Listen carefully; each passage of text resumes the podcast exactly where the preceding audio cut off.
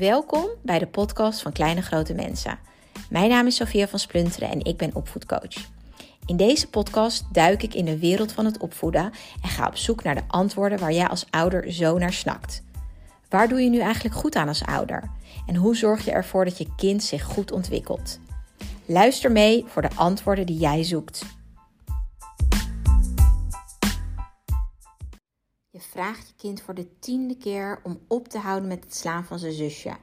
En hop, pats, daar gaat hij weer. Je raakt aan het eind van je Latijn, wordt boos, gefrustreerd. Waarom luistert je kind niet gewoon? In deze aflevering bespreek ik wat er aan de hand is als een kind zich blijft misdragen en ook wat je eraan kan doen. Herken je dat? Dat je met je kind in een soort negatieve cirkelspiraal zit waar maar geen einde aan komt? Je kind die zich misdraagt, jij die boos wordt, jij die gefrustreerd raakt, niet weet wat te doen. Misschien ga je straffen, misschien zet je je kind in een hoek, misschien ga je alleen schreeuwen. Denk je, ik negeer mijn kind. Je probeert alles, maar weet gewoon niet wat nou helpt om je kind een keertje gewoon zich te leren gedragen. Luister heel eerlijk, we hebben dit allemaal meegemaakt. We hebben dit allemaal gezien. We hebben dit allemaal ondervonden hoe het kan dat ons kind soms in een bepaald patroon zit waar die niet uitkomt. En vaak als je er dan weer uit bent, dan denk je: oh ja, ja, ja, ja, het was een fase. En dan kunnen we het veel, ja, kunnen we er veel relaxter naar kijken van: joh, dat was toen omdat we waren net verhuisd of was net begonnen op de opvang of zijn broertje of zusje of hij zat in een bepaalde ontwikkelingsfase. Maar op het moment dat je erin ziet, dan lijkt het echt alsof er geen einde aan komt. En vraag je af van gaat dit ooit stoppen? Ik zal je vertellen, we hebben dit een tijdje gehad, um, zo'n jaar terug denk ik, met uh, schelden, met het gebruiken van hele lelijke woorden, waar een van onze kinderen echt in bleef hangen.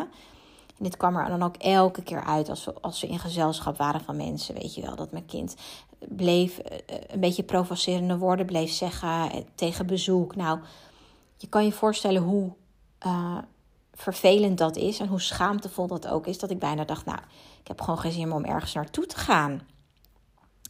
Maar toen dat weer voorbij was, dacht ik van, oh joh, waar hebben we ons druk over gemaakt? Terwijl op dat moment was het echt een best wel vervelende situatie waarin ik ook niet wist, weet je, wat doe ik? We hadden al gezegd van, stop nou met die woorden. We hadden het genegeerd, we hadden er grapjes over gemaakt. En op een gegeven moment is je tolerantie gewoon op. En daarom is het zo fijn om het weer in perspectief te zien. En daarvoor neem ik ook deze aflevering op, zodat je zelf ook gaat zien van hé, hey, wat nou als ik er een beetje boven ga hangen?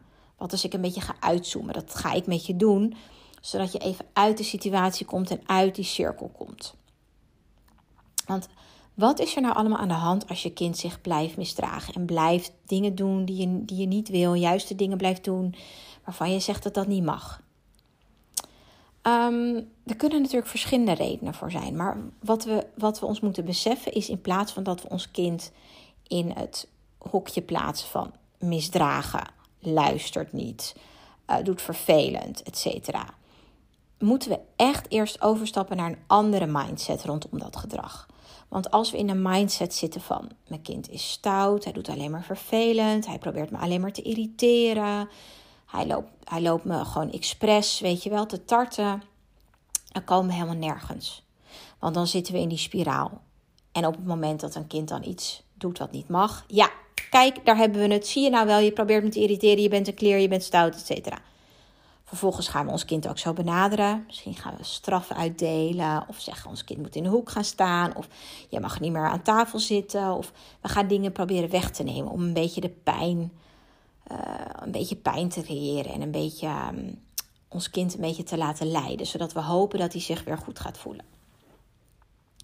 En nu is straffen sowieso niet een, een goede motivatie, omdat met straffen um, bevorderen we eigenlijk alleen maar de angst. En om, op het moment dat een kind uit angst gaat handelen, doet hij dat niet omdat hij dan weet wat, wat is dan wel het juiste gedrag. Of ik doe dit omdat dat goed is. Nee, ik doe dit omdat ik dan geen straf krijg. Dus ik ga luisteren omdat ik geen straf krijg. Ik ga niet mijn zusjes, zusjes slaan omdat ik dan geen straf hoef.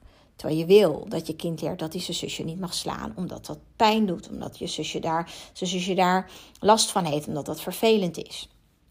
Dus het, de, de cirkel van straf en nog een ander nadeel van straf. Ik heb daar nog een andere podcast over, maar even kort.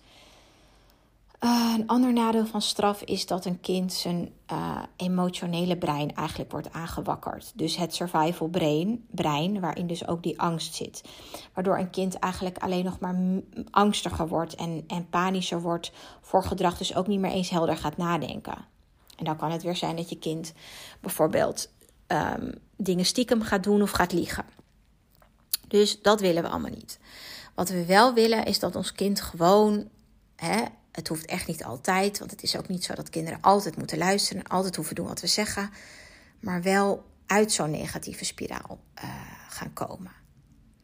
Nou, dus als we eenmaal zeg maar in een andere mindset zitten over dat gedrag, dan kunnen we in plaats van een negatieve mindset over ons kind naar de mindset komen van hé, hey, uh, mijn kind doet het niet expres.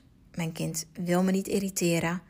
Er is iets in mijn kind dat even niet lekker voelt of dat even overloopt.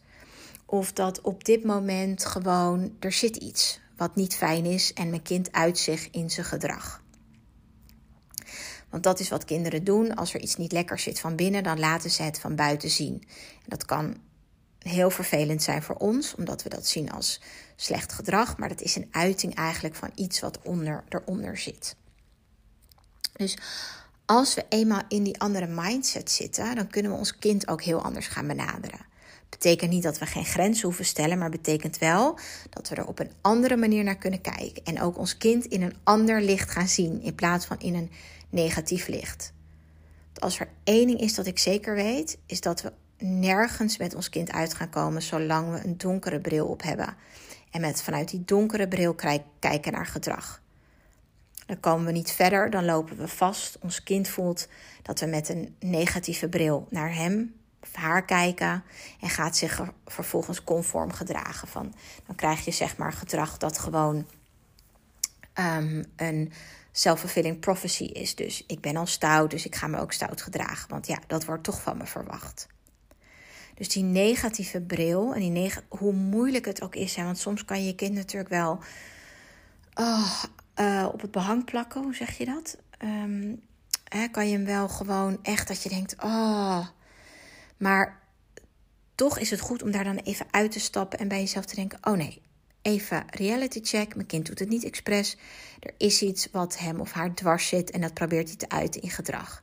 Want in essentie zijn kinderen natuurlijk gewoon goed, zijn wij goed en is er iets wat zij duidelijk willen maken? En is er iets wat ze dwars zit, waardoor ze dit gedrag vertonen?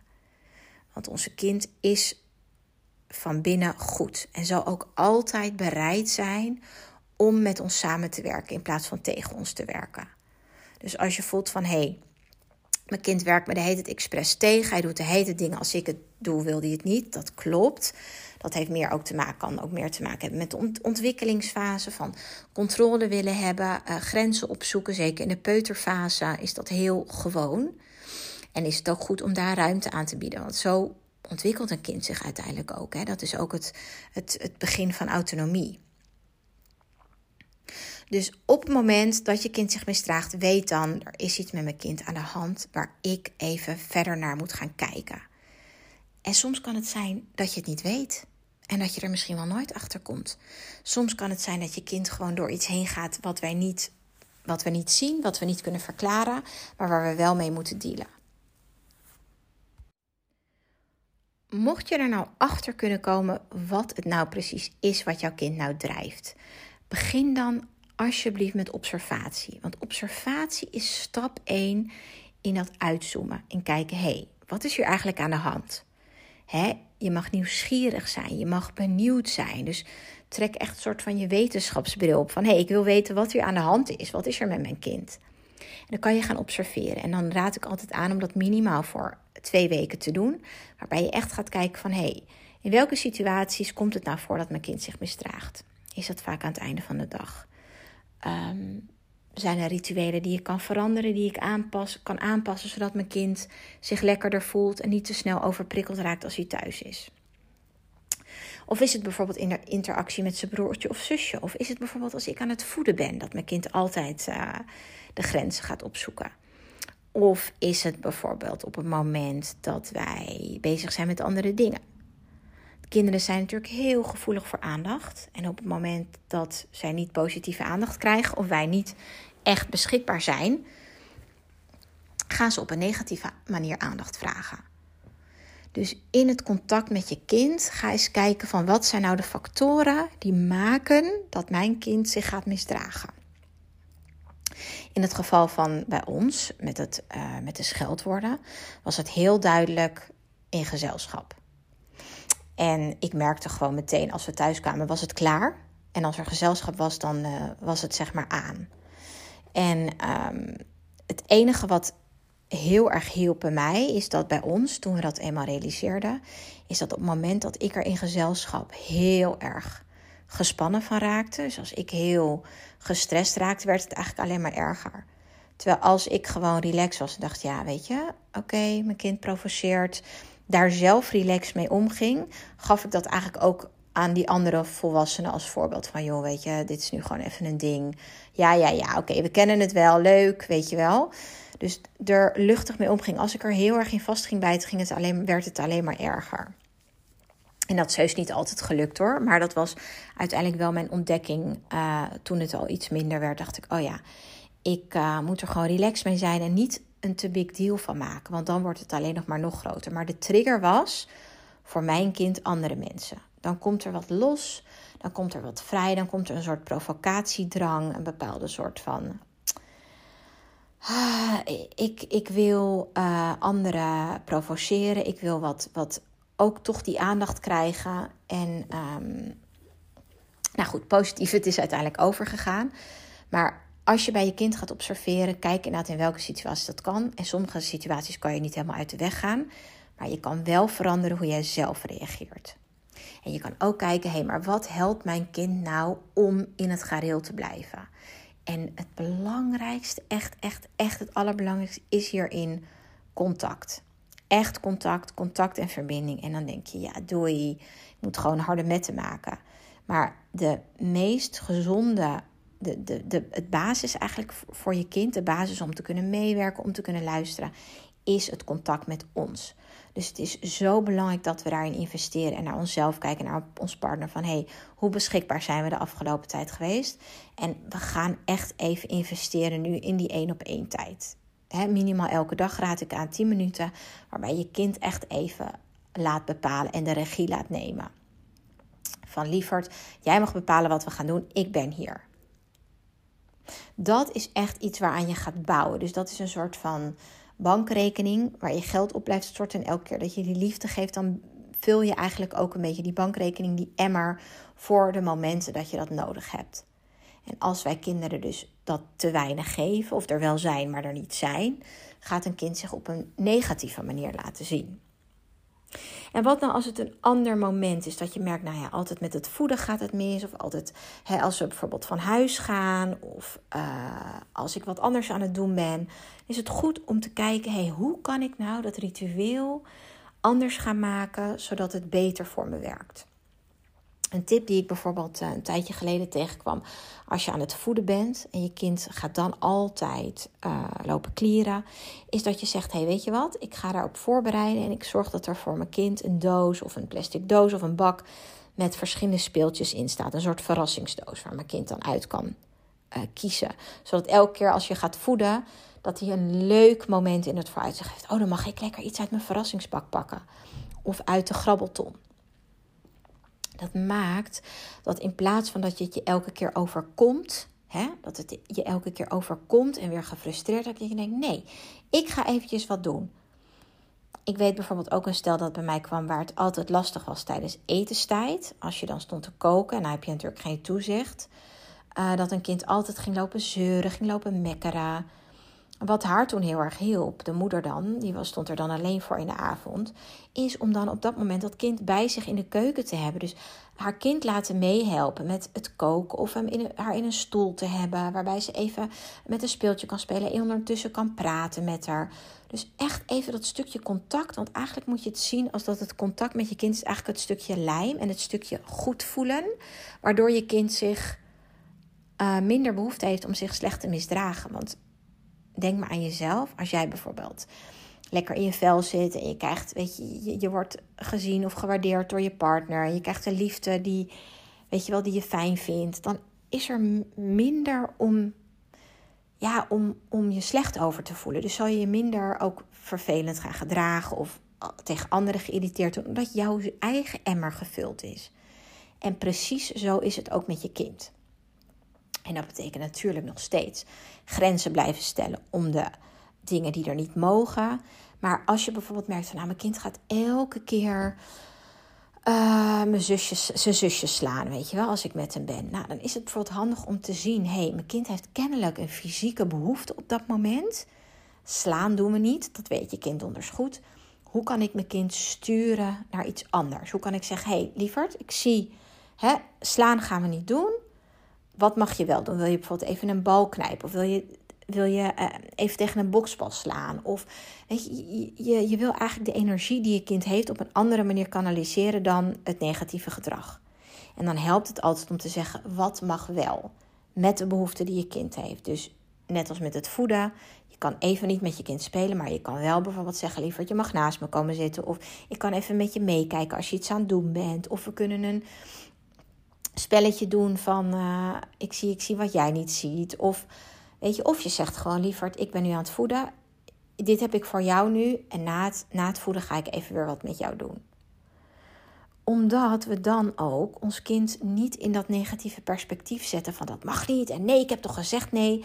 Maar heel erg gaan sturen eigenlijk en aan de hand nemen van dit mag wel. Ik zie jou. Je hebt een behoefte.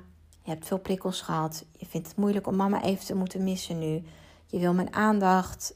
En toch ga ik iets anders voor je inzetten. Dus de behoefte zien en te kijken: hé, hey, wat kan ik daar tegenover zetten wat mijn kind wel mag doen? Resumerend, op het moment dat je kind zich misdraagt, is er iets wat niet goed voelt bij je kind. Het kan een behoefte zijn, het kan een, uh, uh, een, een, een behoefte zijn aan iets, een bepaalde nood die die heeft, een bepaald gevoel, een bepaalde overprikkeling die er is. En die komt eruit met gedrag. En op het moment dat wij zeg maar, ons kind hard aanpakken, en dat bedoel ik mee van straffen of weet je, negeren of in de hoek zetten of wat dan ook, dan zeggen we eigenlijk dat wij onze liefde een beetje van ons kind aftrekken. Dus dan um, zeggen we eigenlijk van nou, als je zo doet, dan hou ik niet meer van je. Dat is hoe het voor kinderen snel kan voelen. Hè? Van ik moet in de hoek, ik krijg straf, ik moet in mijn eentje zitten. Ehm, mijn ouders houden alleen van me als ik me wel gedraag. Dat is natuurlijk, denk je, nou, overdreven. Maar als we niet het onderscheid maken tussen ons kind is hè, goed zoals hij is en is van, van binnen ook gewoon, heeft goede intenties, alleen zijn gedrag hè, is niet goed. En dan kunnen we op een gegeven moment kijken, maar wat zit er onder, onder dat gedrag? En als we alleen het gedrag aanspreken, dan komen we helemaal niet tot de kern. En dan komen we ook niet tot een ontwikkeling of tot een verdere oplossing of tot waar ons kind nou uiteindelijk last van heeft. En uh, mijn kind zei van de week tegen ons van hé, hey, ik heb het gevoel dat jullie mij niet, meer, niet zo lief vinden als mijn broertje. En toen dacht ik, oh ja, dat komt omdat we haar hebben aangesproken op bepaald gedrag.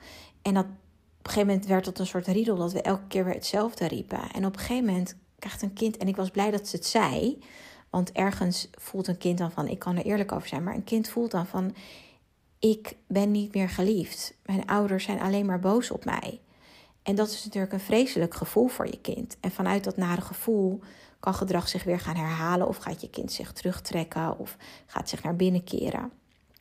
Dus we willen altijd dat onderscheid maken tussen gedrag, dat is wat ons kind uit, en de binnenwereld, wat daaronder leeft. En op het moment dat wij, ook al weten we niet wat het precies is, maar als we die binnenwereld kunnen voeden met onze liefde, met onze oprechte aanwezigheid, gaat een kind zich al beter voelen. En uit beter voelen komt ook beter gedragen.